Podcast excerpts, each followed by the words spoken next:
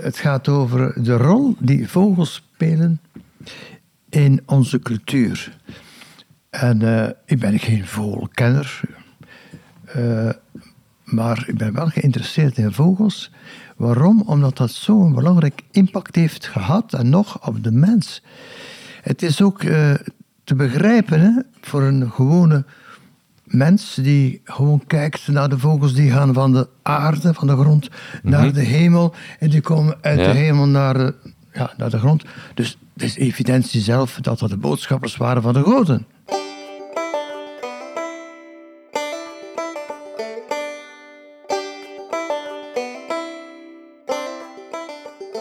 Welkom luisteraars bij een nieuwe aflevering van Feed Feed. Met deze keer professor Marcel de Kleine in de hoofdrol. En deze opname gebeurde in twee delen, want toen ik een eh, paar maanden geleden in Gent arriveerde om Marcel te interviewen, flitste er een ambulance mij luid toeterend voorbij. En wat ik op dat moment niet doorhad, was dat deze bestemd was voor de professor. Jawel, gescheurde ligamenten en een geluxeerde voet ja, waren zijn deel. En een tijd later nam ik toch weer contact op met hem. En ik mocht hem, hij was niet boos op mij, maar ik mocht hem nog altijd bezoeken in zijn woonplaats, waar hij mij lang uit op de bank als een pasha begroette. En dat was natuurlijk uit noodzaak, want zijn herstel zal jammer genoeg nog weken duren. Eh, beterschap van op eh, deze plaats, Marcel, in ieder geval. Marcel de Kleine schreef recent Avibus over vogels in de cultuur, uitgegeven bij Sterk en De Vreze. Het is een superboeiend onderwerp, eh, want vroeger nam de natuur natuurlijk een prominente rol in in het leven van de mens. In tegenstelling tot de dag van vandaag, waar we afgesneden zijn van onze natuurlijke bron van het leven. Al die kennis die lijkt nu vergaan. Dat gaat over kennis, over symboliek. Dat zijn volksverhalen. Dat is volksgeloof. Dieren en planten waren ooit dragers van onze cultuur.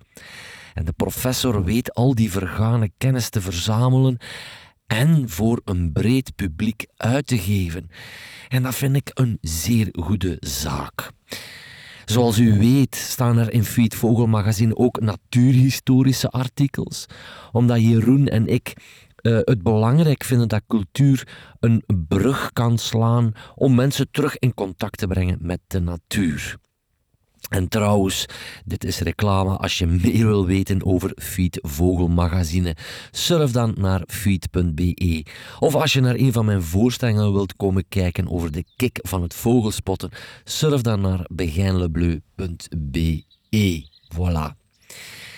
Maar gauw over naar de professor nu, die ook drie soorten heeft gekozen om over te praten.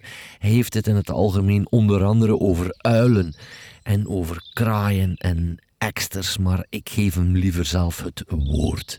Het is tijd voor uh, professor Marcel de Kleine. Ik zou zeggen, geniet, lieve mensen. Geniet van een stukje slow Radio.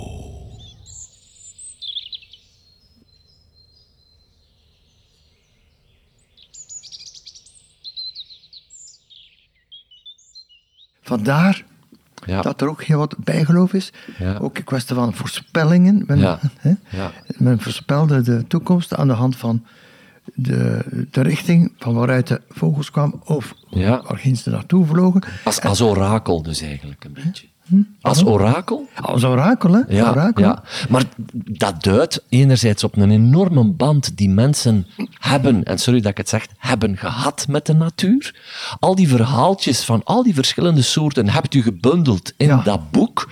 Dat zijn er heel veel geslaagd eigenlijk een beetje achterover van wil. En we zijn daar al enorm veel van vergeten. Ja. Zo niet alles. U brengt dat terug naar boven. Ja. Uh, ik ben eigenlijk een renaissance mens.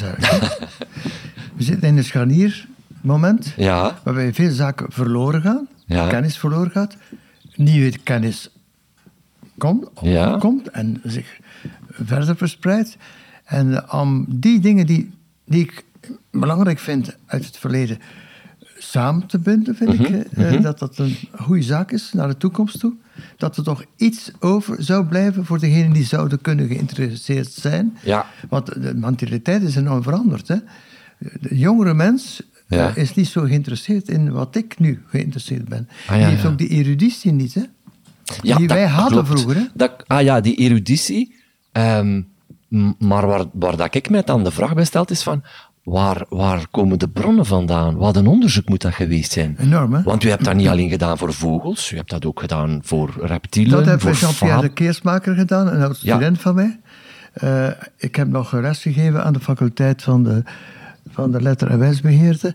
eh, volkskunst en volkscultuur. En hij was daar mijn beste student. Dus heb ik dan eh, met hem ook bevriend Ah, geraakt. ja, ja, ja, ja. En hij heeft daar vooral het, het kunstzinnige aspect van, eh, Ja. overgenomen. Hè? Ja, ehm, maar het boek ligt daar nu. En ik moet dan aan u vragen, wilde daar drie soorten vogels Ja, uithalen zeker. waar je je wat uit wilde? Zeker. Maar om u te zeggen dat er toch nog dingen zijn die overblijven van Mhm. vroeger, dat is, en zal ik uiteraard op uw vraag proberen te antwoorden, is dat de, de grote impact die de vogels hadden op de mens, Ja. en dat ze dus eigenlijk ja, vanuit de hemel kwamen naar beneden, dat ze ook de zielen van de overleden mensen naar de goden of naar God brachten. Ja, ja. En eh, vandaar dat die plaatsen waar die duiven, bijvoorbeeld, want alle vogels deden dat, maar duiven waren meest klassieke eh, vogels die de mensen kenden.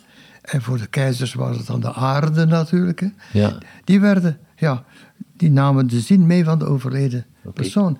Als een keizer van Rome werd verbrand, Ja? liet men een arend op. Die ging dan de zin meenemen. En idem dito, wij bij de gewone mannen, duiven werden. Pak, pakte die mee. Vandaar het ja. columbarium. Het columbarium is de duiventil, wil dat zeggen. Dus daar waar de duiven samenkomen en waar ze dan zien meepakten naar de hemel toe. Vandaar Ja, columbarium. Maar de mensen blijven daar niet bij stilstaan. Nochtans is het een moeilijk woord. Het is een stadhuiswoord, Ja. zei men vroeger. Hè? Ja, het is een...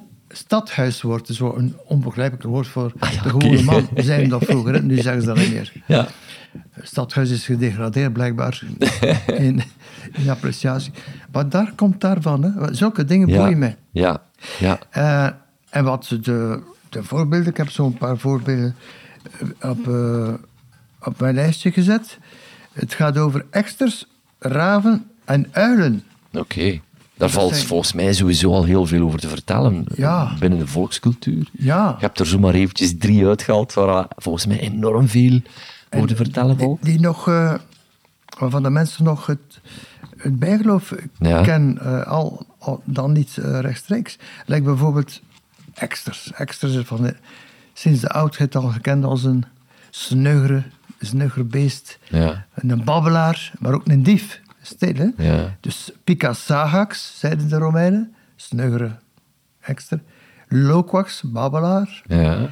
Eh, wel bespraakt. En Furax, dief. Je weet dat, eh, of je weet niet, maar de ekster werd door de oude Grieken als naam gebruikt voor zwangere vrouwen. Omdat ze dus ook zouden graag stelen. Nu zeggen ze al de zwangere vrouw, maar dat wordt niet meer gezegd ook tegenwoordig. Met die wook zeker niet meer. maar wat mocht je nog zeggen met Ja. het wook? Hm.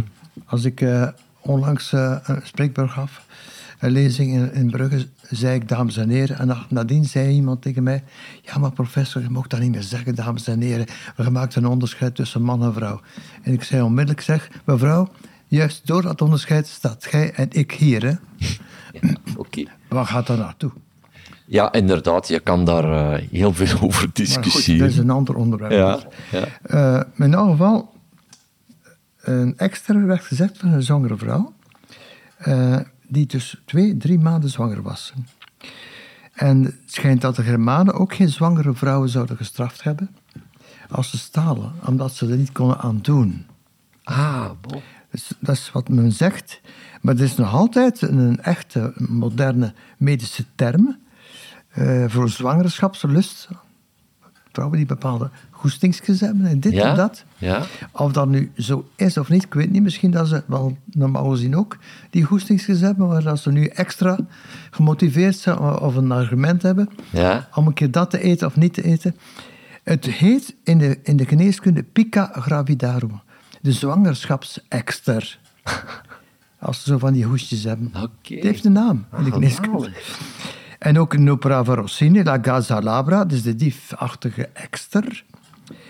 Eh, maar vooral ook eh, in, in uitdrukkingen hè, van de tongriem geste- gesneden zijn. Ja. Hij is goed van de tongriem gesneden. Hij kan goed babbelen, kan het goed zeggen. Dat komt eh, omdat Ja. men vroeger eksters leerde praten en men dacht, onterecht, dat als men de tongriem, Ja. dus dat velletje die onder je tong zit, hè, Ja. doorsnijdt, dat die tong nou losser zou komen. Ja. En dat ze dus gemakkelijker zouden kunnen praten. Ah, Ook voor baby's, en, en jong- eh, geen baby's, maar jonge, jonge kinderen, werd dat gedaan door dokters. Als ze niet te goed konden spreken of niet vlug genoeg konden En spreken. dat hielp dus niks. Nee. Nee, het ging niet. Maar de uitdrukking is gebleven. Hij of zij is goed van de tongriem gesneden. Dus origineel effectief van Ja, ja. proberen eksters te leren praten. Ja, ze werden uit de nesten gehaald, de Ja, die jongeren. hè? En thuis opgekwikt en gesneden. Er was iemand uit het dorp die dat deed. Hij deed het ook voor dan kinderen. Hè? Ja. paar- ja. Ah, ja, ja. En er is een andere uitdrukking die tegenwoordig door jongere mensen niet meer gekend is waarschijnlijk, is maar dat hier een annekesnest. Een annekesnest, Een nannekesnest zeggen ze in het dialect. Een nanneke, wat komt eigenlijk van hannekesnest? Een hanneke. Ja, wat is een hanneke? Ja. dat is een extra. hè. Want die extras Ja. hadden in heel Europa een naam, een voornaam. Eh, en in Frankrijk was dat Jacques, Ja, of Jacquette, of Jacot. ja oké. Dat werd ook gezegd. Jacot voor veel papegaaien. hoor. Wat van de papegaai ook? Ik heb een Jacot thuis. Hè? Ken je Jacot? Ja, dat werd ook voor een extra gezegd. Maar, Die kon ook praten, hè? Ja, Papegaai. ja, ja, ja, ja, ja, ja, ja, ja. Dus inderdaad. Dat is dus- de, de Europese papegaai een beetje. En in het Vlaams is dat een Hannes van Johannes. Hè? Hannes en Hanneke. Ik heb een Hanneke thuis. Hanneke thuis. En men dacht ook onterecht dat extras, ja, die, die gaan dus aangetrokken worden door alles wat blinkt. En zo'n beetje lawaai maakt. Met papiertjes of zo, of zilverpapier. Ja. En dan dat ging allemaal brengen naar een nest dat dat een fijne boel moet geweest zijn. Maar een extra nest is geen fijne boel van binnen. Hè? Nee, Die gooit nee. dat allemaal uit. Hè? Ja, dat klopt. Dus vandaar een Hannekesnest. Is maar dat hier een Hannekesnest? Ah, ja, ja, ja, ja. Een Nannekesnest. Maar eigenlijk, een annekesnest is dus eigenlijk een vuile boel. Ja? Een slordige boel. Ja, maar het, Ja. In, in de realiteit is een extra nest Ja. Geen slordig. Ja, ja, ja, ja, dat klopt. Dat Maar klopt. dacht dat? Dat klopt. Hetzelfde denk ik ook is een beetje een mythe dat, dat exters veel blinkende dingen zouden stelen. Ja. Bij mij kwam dat mij ooit niet ter oren, maar ik las het boek eh, De Juwelen van Bianca Castafiore van Kuifje. Ja. Waarin een exter de hoofdrol speelt die eigenlijk de juwelen van Bianca Castafiore gaat stelen. En dat is dus een beetje een mythe, maar bon, dat zijn van die zaken die erin blijven. Hannekesnest. Hè. Ja, dat zijn toch wel hele toffe dingen. En wat aan mij ook frappeert is dan, je gaat eigenlijk naar de oorsprong van, eh, van, ja, van onze voorouders. Van, van, soms heb je dat ook in plaatsnamen, in riviernamen, dat is dan etymologie. Ehm, en vandaar dat ik dat wel... Gazet. De Ja. gazet, van waar komt dat? Een krant, gazet. Ja. Komt van gazetta, hè? een klein extertje. Mo, En dat was het eerste roddelkrantje in Venetië die is uitgegeven in 1566. Dat werd de gazetta, dus de babbelaar. de babbelaar. Ah, Oké, oké. Komt daarvan.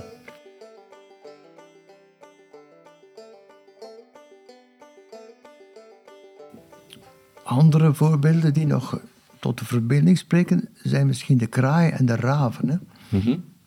De zwarte vogels. De symboliek, eh, Germaanse symboliek is wel belangrijk op dat gebied. Men maakte waarschijnlijk geen onderscheid tussen raven en kraaien. Ja. Zo fijn ging men niet te determineren. Maar zwart is wel eh, gelinkt met de dood. Ja. En de, eh, kraaien en raven gaan dus ook op eh, slagvelden rond gaan huizen of in galgen. Daar waar mensen sterven. Ja. En daar gaan ze dan de ogen gaan uitpikken. hè. En bij de schilderij van Jeroen Bosch zie je dat ook. Als hij zo'n tafereel uitbeeldt met een galg, zie je er altijd aan die, op die takken raven of kraaien zitten. Ja. ja. Dus symboliek is uh, enerzijds dood. Maar uh, in de Germaanse mythologie heeft dat uh, geen duistere negatieve connotatie. Want dat heb je de. Dat weten we vanuit de Snorre Edda. Dat is eigenlijk, de Edda is van Sturlinson. Snor, uh, Snorri Sturluson. Snorri Sturlinson. Dat is een IJslandse geleerde uh-huh. die toen al uh, gekersterd was. Hij kon lezen en schrijven, is opgekweekt. Als Ja, een, in de Germaanse mythologie heeft dus de Germaanse mythologie. eh, Ja, rond, rond de 13e eeuw. Maar eh, zoals u zegt, dat was toen al vrij fel onder de invloed van het katholicisme, Ja. in ieder geval. Maar hij heeft eigenlijk heel wat van die mythen, eigenlijk voor de eerste keer beschreven, want het was een mondelinge De traditie. mythologie beschreven, dat is een, een zeer belangrijk document. Later zijn er nog andere eddas gekomen, meer poëtische eddas die verzameld zijn geweest, even nadien. Maar hij, die uh, Snorri Sturluson, is de grondlegger geweest Ja, van de, en de beschrijver geweest, niet grondlegger, de beschrijver geweest van de Germaanse mythologie. Dus dat is goed gekend. Bij de Kelten is dan niet beschreven geweest, dan ook geen, geen schriftelijke cultuur. Dat zou wel gelijkaardig geweest zijn, want eigenlijk is dat ook een beetje artificieel onderscheid. Tussen de Kelten en de Germanen er waren zoveel tendensen binnen het Germanendom en binnen het Keltendom. En sommige zijn ook overlappend. En oorspronkelijk waren het wel dezelfde mensen. ja. Of, of een verscheidenheid aan stammen. En van periode, tijdsperiode. Ja, ja, akkoord. Hè? Akkoord. Germanen, in principe situeren ze dat iets later, hè. Maar de Kelten, ja, ja. Maar die waren ook al aanwezig. Hè. In Zuid-Germanië en, en Noorden, ook Germanen. Niet altijd dezelfde cultuur. Hè. Nee. Hangt af, eh, ga je juist 2000 jaar terug. Ben nu geen, geen specialist in de Germanenkunde, maar het is wel een verschil tussen 2000 jaar geleden, Ja, ja. dus die volkeren, en daarvoor nog. Ja. Want 2000 jaar geleden waren ze al minder verschillende Kelten en de, en de Germanen dan daarvoor. Ja. Maar die, die, die Snorri Sturlinson, die heeft dus die mythen. En daarin staat al raven Ja. beschreven. En hij beschrijft ook de levensboom, hè? Yggdrasil. Ja. Wat het ook mogen zijn. Mhm. Yggdrasil, een grote boom waar alle vogels en, en beesten van de wereld in zaten. Ja. En van boven was er dus een arend Uh-huh. die goed toekeek of de reuzen niet afkwamen, want die gingen dus de mensen aanvallen. En van onder, aan de wortels, had drie grote wortels, die zich eh, voortzetten tot aan bronnen, drie grote bronnen. En die werd dan, eh, was het domein eigenlijk van ja, een soort draak of een soort slang. Want draken en slangen in de mythologie, dus komt ver op hetzelfde neer. Ah, ja, ja, ja, ja. En die twee konden elkaar niet luchten. Ah, ja. De adelaar, de heerser van het bovenste deel, de kruin Ja. van de boom, en de slang of de draak. En die moesten dan eh, toch wel in contact komen met Ja. elkaar, communiceren, want Ja. alles Ja. was in geheel. De beesten leefden allemaal in die boom. En dat werd gedaan door Ratatosker. ja. Een eekhoorn. Eekhoorn.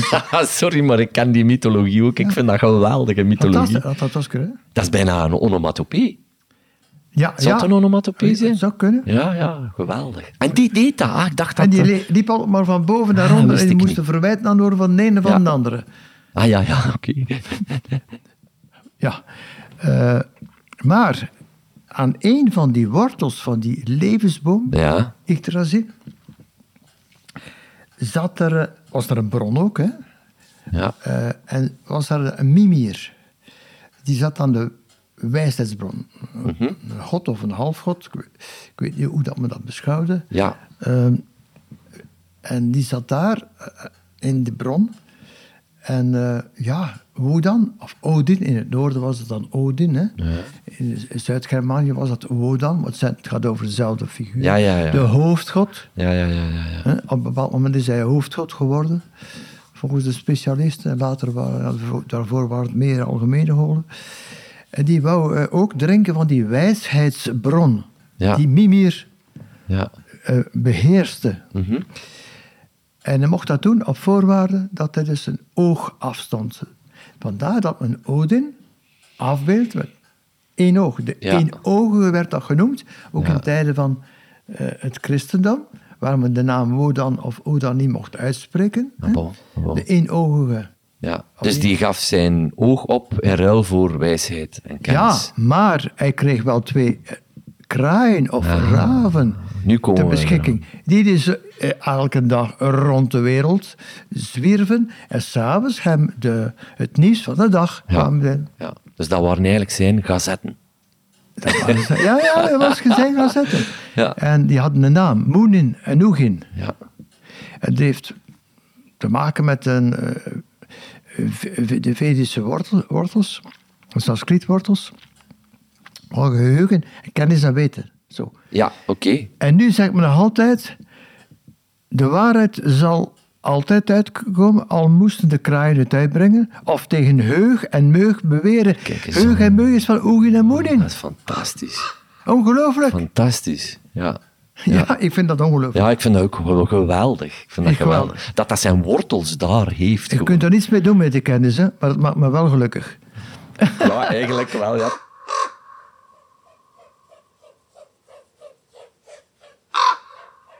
En nog iets, eh, iets meer recenter dan. Ja. Eh, tijdens de Tweede Wereldoorlog hebben de Duitsers dan Londen gebombardeerd. Eh, wat natuurlijk verschrikkelijk was voor die mensen daar. Maar ook de Tower of London. waar Ja, dus ja. daar de raven in zaten. En dat was gekend.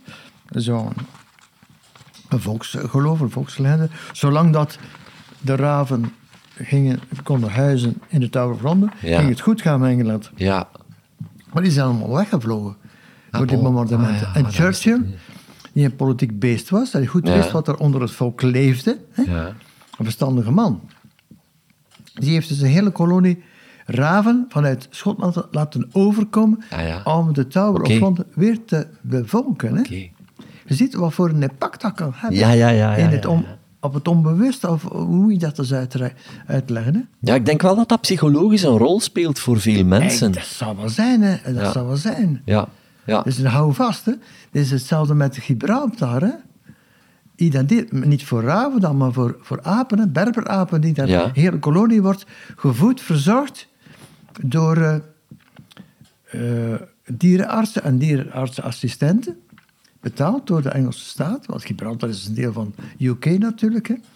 Men wil niet hebben dat die berberapen daar zouden verdwijnen, want dan zou het niet goed gaan met, het, eh, Ja. met de UK. Ja. Het, is, het, is, het raakt iets dieps, of diepers die je moeilijk kunt objectiveren. En zelfs voor psychologen of psychiaters, er zullen er wel termen voor zijn, maar wat, houdt een term in eigenlijk? Hè, Dat is in dat domein, een zeer subtiel domein. Hè? Ja, ja, ja, ja, dat klopt. dat kan is bespeeld worden? Subjectief, ja, ja, ja worden, inderdaad. Ehm, ehm, ik, ik ga er nog altijd vanuit dat dat verwijst naar onze wortels. Dat gaat, dat gaat naar onze voorouders, dat gaat naar onze oorsprong. Zonder dat je daar eh, fascistisch van moet worden. Hè. Maar ik vind contact houden met dat, is maar ja. contact houden met de natuur. Ah, ja, natuurlijk. Maar het kan ja, misbruikt worden, het kan geradicaliseerd worden. Dat is het gevaar. Ja, ja. Maar ja. als, het, ja, als men niet kunt, kan leven voor iets zo naartoe leven en, en, zich fier voelen, ja. dat is een geborgenheid die je krijgt. Hè? Ja, ja. Ook. Maar dat, dat is ook iets wat ik merk in uw boeken, de Historia Naturalis, die boeken die je hebt uitgebracht. Ehm, wanneer ik wandelingen eh, begeleid, natuurwandelingen, en eh, er zijn geen vogels of weinig, ja, automatisch, planten en bomen zijn er altijd. Maar ik heb al vaak gebruik gemaakt van weetjes uit uw boeken om mensen te duiden op eh, signatuurleer bijvoorbeeld. Wanneer ik smeerwortel neem en ik bekijk het blad dat tegen de stengel aanplakt en dat het vroeger werd gebruikt voor eh, breuken. De, wo- de wortels. Hè? Ja, hebt u dat nog niet gebruikt trouwens, smeerwortel voor uw breuk? Eh, op dat gebied hebben we nog meer vertrouwen in de geneeskunde. ja, oké, dat is wel. Maar voilà, dat zijn toch dingen die heel ja, leerrijk en... Vooral en- mijn, mijn boek over vergeten toepassingen. Hè? Ja, Dat boek van, ik heb verschillende naturalische historia's. Eh, de ene is de geschiedenis van de kruidengeneeskunde. Dat is de medische toepassing. Maar je hebt ook niet-medische toepassingen hè, Ja. die vergeten zijn. Daarom is er een vervolg gekomen op dat eerste boek. Ja, Op de kruidengeneeskunde. Ja, En ook in het gedachtegoed van de tijden zijn aan het veranderen, het gaat vlug. mhm. Het milieu met de, de planten die dus gaan die nog kunnen groeien. Anderen die zich gaan komen settelen. Eh, kunnen we daar nog iets mee doen met die oude kennissen? Misschien wel, hè? Ja, dat klopt. Ik, ja, ik vind van wel. Dat, dat, en, en u zei daar juist van, ja, dat we de eruditie niet meer hebben, daar ben ik volledig mee akkoord. Maar ik voel een soort heropleving wel. Ik eh, eh, naar de zoektocht naar dat soort zaken waar u over schrijft. Ik denk ook dat dat de reden is waarom dat ik hier zit. Omdat dat eh, toch wel iets is dat moet doorgegeven worden. Ja, volledig akkoord. Maar doordat er een hunker is van mensen naar meer geborgenheid en meer kennis Ja. van vroeger, kan het ook gebruikt en misbruikt worden. Ja, dat is waar. En dat, daar krijg ik dus grijzaar van. Ja, ja, ja, Weinige haar dat mij nog overblijft. Ja, het, het, het kan gebruikt of misbruikt worden, maar waar dat ik het heel belangrijk in vind, is dat hetgeen wat dat hier nu wordt verteld, hè, die weetjes en die oorspronkelijke verhalen, is dat dat terug de link legt tussen mens en natuur. Terwijl nu is die link daar niet meer. Die brug is Nee, daar niet nee. meer. Die wordt wel gelegd door de wetenschap, vind ik. De wetenschap brengt een aantal rapporten uit. Dat wordt soms voor een breed publiek gebracht. Maar Het moet eh, bij de men, gewone man kunnen Ja. komen. Hè? Ja, Die kennis, ja, dat is, ja. is de moeilijkheid. Hè? Ja. Vandaar dat ik een boekje heb geschreven, Het vernuft van de planten. Ja, ik ken het. Ik heb het thuis liggen. Dat is mijn filosofisch testament Ja, als wetenschapper. ja, Het gaat niet over God, of over, het gaat over het mysterie. van het Ja, akkoord, Het mysterie. akkoord, akkoord. Je, je vult het maar in zoals jij het wenst.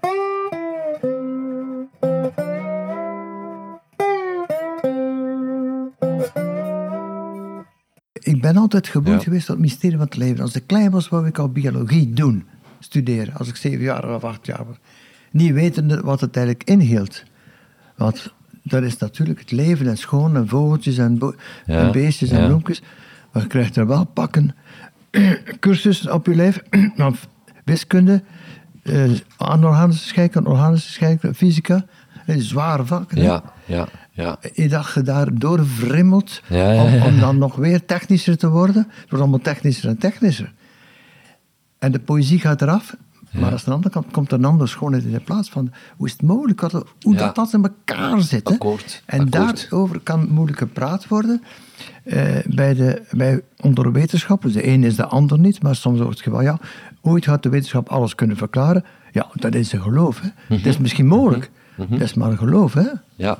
Maar En daar zit dus ook eh, eh, een gevaarlijk hoekje aan. Ja, daar zit een gevaarlijk hoekje aan. Ja. Natuurlijk. En daarom heb ik dat ding nog willen plegen, het vernuft van Ja. planten. Ja. Omdat ik over mijn verwondering spreek. Ja. Van niet de evidentie. En alles wordt verklaard eh, volgens de Charles Darwin's eh, evolutietheorie. Ja. Voor een groot stuk terecht. Ja. Hè? Dus for life, het is survival of the fittest. Daar kan je veel dingen mee verklaren. Maar niet alles hoor. Ja. En daar wil ik dan aantonen, eh, met, met gewone dingen, afvallen van bla, allemaal zogezegd Ja. normale dingen. Eh, Zo normaal is dat niet. Ja. Niets is zeer normaal. Ik, ik heb dat boekje gelezen, maar ik, ik heb het tweemaal gelezen, want het is dun, maar er staat veel meer in als dat je zou vermoeden. Ja. Je moet het, het lezen en, en, en je wordt teruggebracht naar Je een ander... gelezen? Ja, ja, ja, ja, ja, ja, ja. Het, het, het ligt bij mij. En wat ik er zo fantastisch aan vind, is dat je merkt dat planten door heel veel mensen onderschat worden. Ja, dat is behangpapier. Hè? Dat wordt gigantisch onderschat. Een dier spreekt u aan, hè? Mhm. kijkt u aan. Er is een groot verschil tussen dat compendium van rituele planten en eh het compendium van die dieren. Ja, Als ik het in een one-liner zou kunnen zeggen, gaat het eerste deel, het eerste gebied, planten, gaat eigenlijk over magie. ja, Want planten zijn krachtig, Uh-huh. kunnen geneeskrachtig zijn, kunnen ook giftig zijn, wa- wat ze Ja, nemen. Hangt dan van de dosissen van, van de persoon in kwestie en zo. Ja. Het is, maar als het werkt, is het magisch. Het is magisch. Ja. En we kan die planten wel gebruiken als men ze plukt op dat moment. Ja. ah, bij zonsopgang, ondergang, als men zwijgt en niets zegt, eh, als men ze plukt of zo van die dingen. Allemaal geloof zit daar rond. Ja. Terwijl bij, als het over dieren gaat, gaat het over psychologie omdat men ook veel menselijke trekken projecteert Ah, ja, ja, of ziet. Men denkt te zien bij ja, ja, dieren. Vandaar dat er, ik weet niet hoeveel uitdrukkingen zijn bij dieren. Ah, ja, ja, ja. ja, Maar niet bij planten. Hè. Ah, ja, ja, ja. Bij planten, ja. wat, wat, ken ik? Oh, ze- een en een boom, ja. Ik moet erg zoeken nu. Ze. En ze slaapt als een roos, zo'n kindje. Omdat het een beetje rood wordt. Ja. Hè, eh, bloed gaat meer eh, zichtbaar zijn onder de huid. En hoe dikker de huid, hoe minder zichtbaar het is natuurlijk. Mhm. maar, maar voor de rest weet ik het niet. Maar bij dieren, ah, dat is legio. Hè? Ja, akkoord. Omdat het allemaal menselijke karaktertrekken zijn die men Ja, ja. denkt te zien. Ja, ja, ja. En waardoor dat het plantenrijk, wat dat betreft, wat achterop gezet Ja, is? emotioneel gezien. Hè? Ja, ja, ja. Als ik begon met studies van, eh, van biologie na twee jaar, moesten we kiezen tussen dier- en plantkunde. De meeste kozen dierkunde, hè? Ja, ja. Plezanter, eh, vivanter. Ja, Dat waren meestal nogal de, droog, de droogzakken die, waaronder ik ook, zou moeten geglaceerd worden als ik gelijk heb in mijn analyse. Denk het niet, Eh, nee, maar ja, goed, het zijn uitzonderingen. Dat waren meestal, ja. Mhm. De, de drogere. En nu- meisjes, soms een keer twee meisjes, soms een keer vier. Zo, eh, van die droge seuten die dat is meestal de, sorry voor die. Ter- terwijl dan nu planten, zeker als je kijkt naar de consumptie van vlees en, en, en de, de overbevolking en Ah, ja. het zoeken naar Ah, voedsel, ja. planten een zeer belangrijke... terug van weg geweest. Hè? Absoluut. En ook qua voeding, ja. Natuurlijk veel minder eh, belastend voor het milieu natuurlijk. Hè? Ah ja, ja, ja, ja. ja. Dat is zo. Hè? ja, ja, ja. Dus dat is merkwaardig toch, die, eh, het emotionele aspect daarvan. Hè? Ja, en, en, en als u dan een van die bruggenbouwers bent, want ik mag u dat gerust noemen, dan wordt er tegenwoordig ook wel eens af en toe gekeken naar inheemse volken. Wel, het is dat. Die, dat, die, die, die bepaalde kundes of rituelen of eh, planten of dieren hanteren, Ja. waarvan dat sommige mensen moreel gezien dan wel de wenkbrauwen een beetje beginnen fronsen. Ja. Maar soms halen we daar dan toch ook nog wel wat inspiratie uit om terug contact te maken met de natuur. Ja. En ook, we moeten niet altijd ver gaan zoeken, hè. Ook bij ons, hè. Of bij de gewone simpele mens die niet gestudeerd heeft, hè. Kunt je er ook genie in hebben, hè. In het doen van iets, het maken van iets, of bedenken van iets. Als je het maar wilt zien en kunt zien, hè. Kunt zien, hè. Want je ziet maar wat je kunt zien, natuurlijk, hè. Ja. Je bedoelt dat je een filter in je hoofd hebt. Ja, of een paardenbril op, hè. Ja. Ja. Oogkleppen, hè. Oogkleppen. Ja. Ja. En eh, de bedoeling is om die oogkleppen een beetje te open te zetten. Ik heb natuurlijk ook oogkleppen. Hè. I- iedereen heeft oogkleppen, want Ja, anders kun je ook niet leven. Hè. Als je op al, naar alles zou moeten kijken, op het moment dat het zichtbaar is, doe je geen stap meer. Hè. Ja, de prikkel zou wat te veel zijn. hè. Maar het is een aanzet tot, hè, tot reflectie. Ja.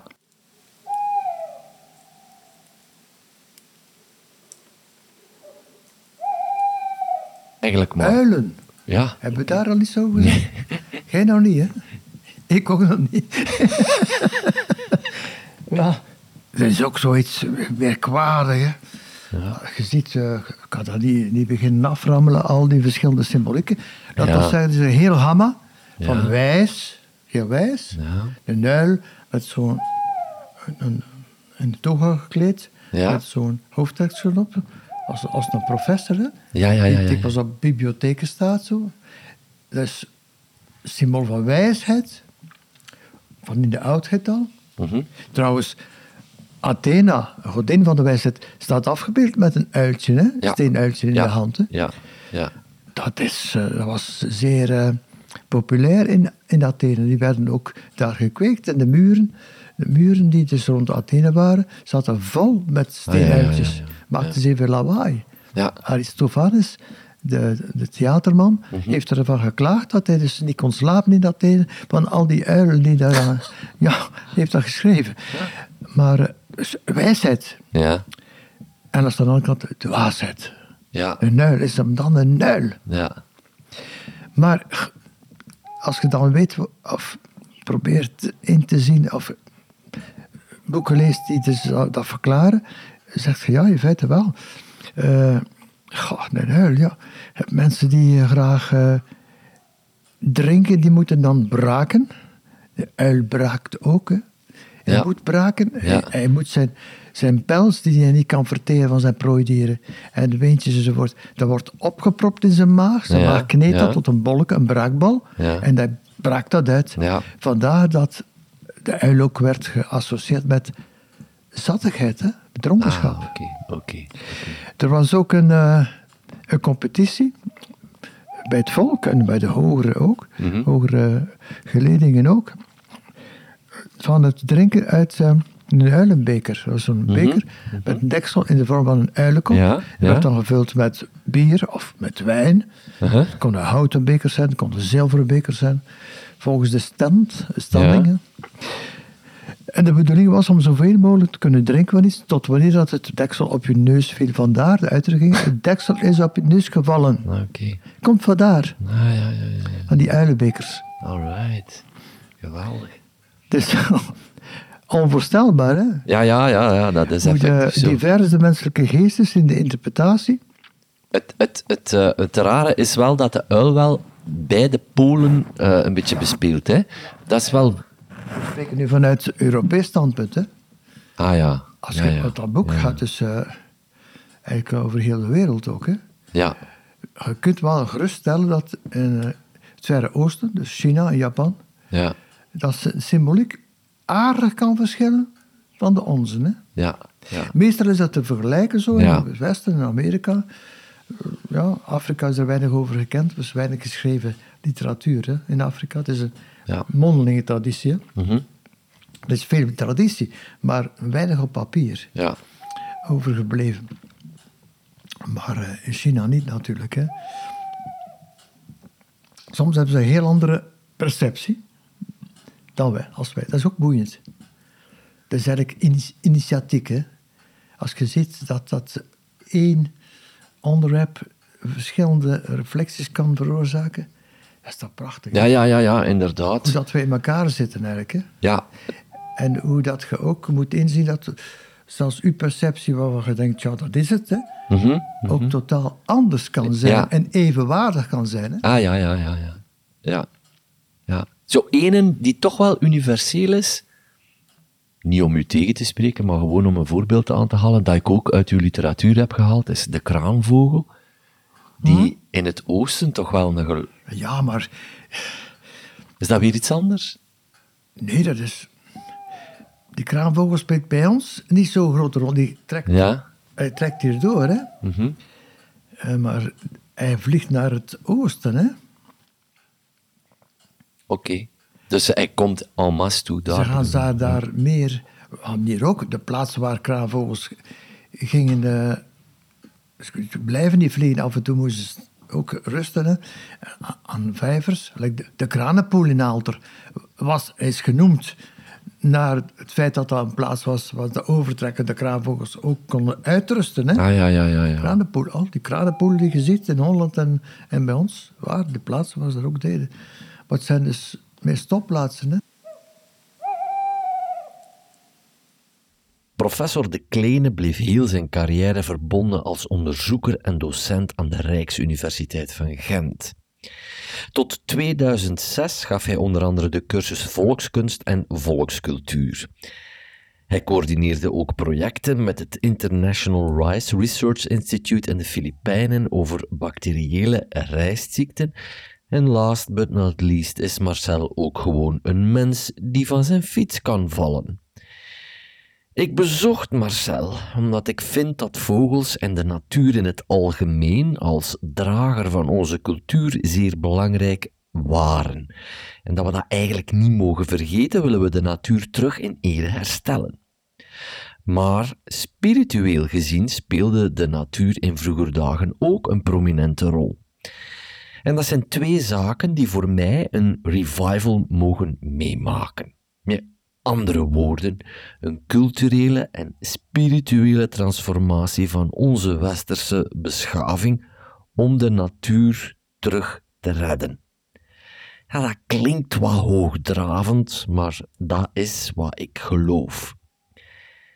En hoe gaat de professor als bioloog om met geloof?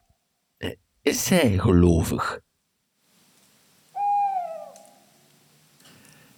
Uh, ik geloof dat ik mijn, mijn, uh, mijn pensioenuitkering op het einde van de maand ga hebben. Gelovige mensen, wat is gelovig? Wat is, wat is religie, wat is godsdienst? Hè? Ja, als wetenschapper is dat toch... Of, of, ja, je bent toch een wetenschapper, of noemde jij jezelf geen wetenschapper? Ik denk dat... Uh, ik, ben geen, ik ben geen godsdienstig mens. Maar ik denk dat iedereen religieus is in de zin van religeren. Terugverbinden. Dit is de oorspronkelijke bedoeling van religio, hè? van religeren. Niet van religare, dat schijnt. Ik ben ook geen Latinist. Maar religeren, religare is een nieuwer ja. uh, woord. Religer, ligeren, ligaze, uh, verbinden. Religeren, terugverbinden. Zich terug verbonden voelen met iets. Met iets, iets, hè. Ja, dan ben ik religieus. Ah, maar iedereen is religieus, volgens mij. Ja. In die zin, hè? Ja. ja. Het is iets anders dan godsdienstig. Mm Godsdienst is, een, is een structuur. Mhm. Mhm. Een machtsstructuur. Om het mooie en het religieus misschien ook te, te beklemtonen of te eren, of gewild. Maar het is een machtsstructuur. Mhm. Dus je bent religieuzer geworden door de wetenschap? Eigenlijk ben ik religieus geworden door de, de wetenschap. Is er dan iets...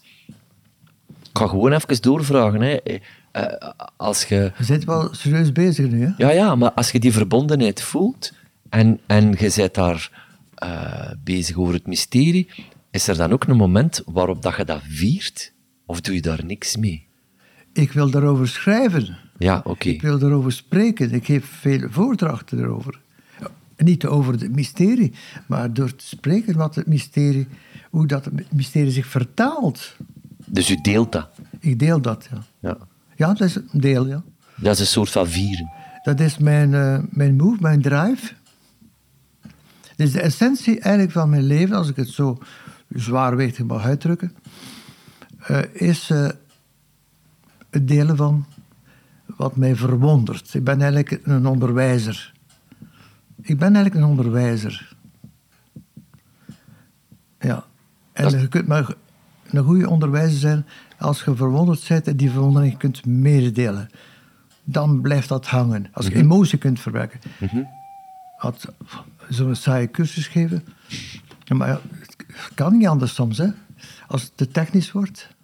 Dat is, dat is een van de meest belangrijke dingen die er nu moet gebeuren om mensen terug op de been te krijgen voor de natuur. Hè. Onderwijzen. Klinkt een beetje moralistisch, maar uh, au fond is het in, essentieel hè, geworden. Ah, maar ja. Ja. Die verwondering, hè. Maar uh, je wordt er wel, ja, je wordt wel gewaar dat daar ook een goede evolutie in zit. Hè?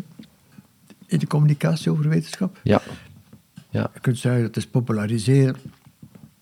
Ik weet, in de academische milieus is men niet zo voor die popularisatie zo, ken je mhm, dat? Mhm. Omdat er altijd een deel ja, van de nuances verdwijnt. Mm absoluut. Je moet in de plaats kunnen stellen van wie is dat publiek? Wie? Het is ook een theoretisch publiek die je voor ogen hebt, waarvoor je schrijft. Je weet dat niet, hè? De een is de ander niet. Maar ja. Ik ben wel voor het populariseren, omdat het een stapsteen kan zijn naar het academische misschien. Ik, ik geloof, want anders blijft dat daar ergens in, in de verte of in de hoogte staan. Ja. En ja, ik herinner mij ooit dat Helmut Lotti, waar ik geen fan van ben, maar ik, ik respecteer die wel, ooit Tiritomba heeft gezongen. Dat was toen een hit. En ik las ooit in de standaard ter letter een kritiek van een klassiek opgeleid iemand die zei van ja, dit is gewoon ja, schandalig. Terwijl ik dacht van, maar die brengt uw ik wereld... Nog, ik hoor dat liedje nog, ja. Is toch formidabel, hè? Ah, ja, maar die, die, die, brengt toch die wereld van die vrouw ook dichterbij. Ter- toch, Ja. eh, dus ik vind populariseren wel, als het goed gebeurt, vind ik wel heel erg noodzakelijk. Ja.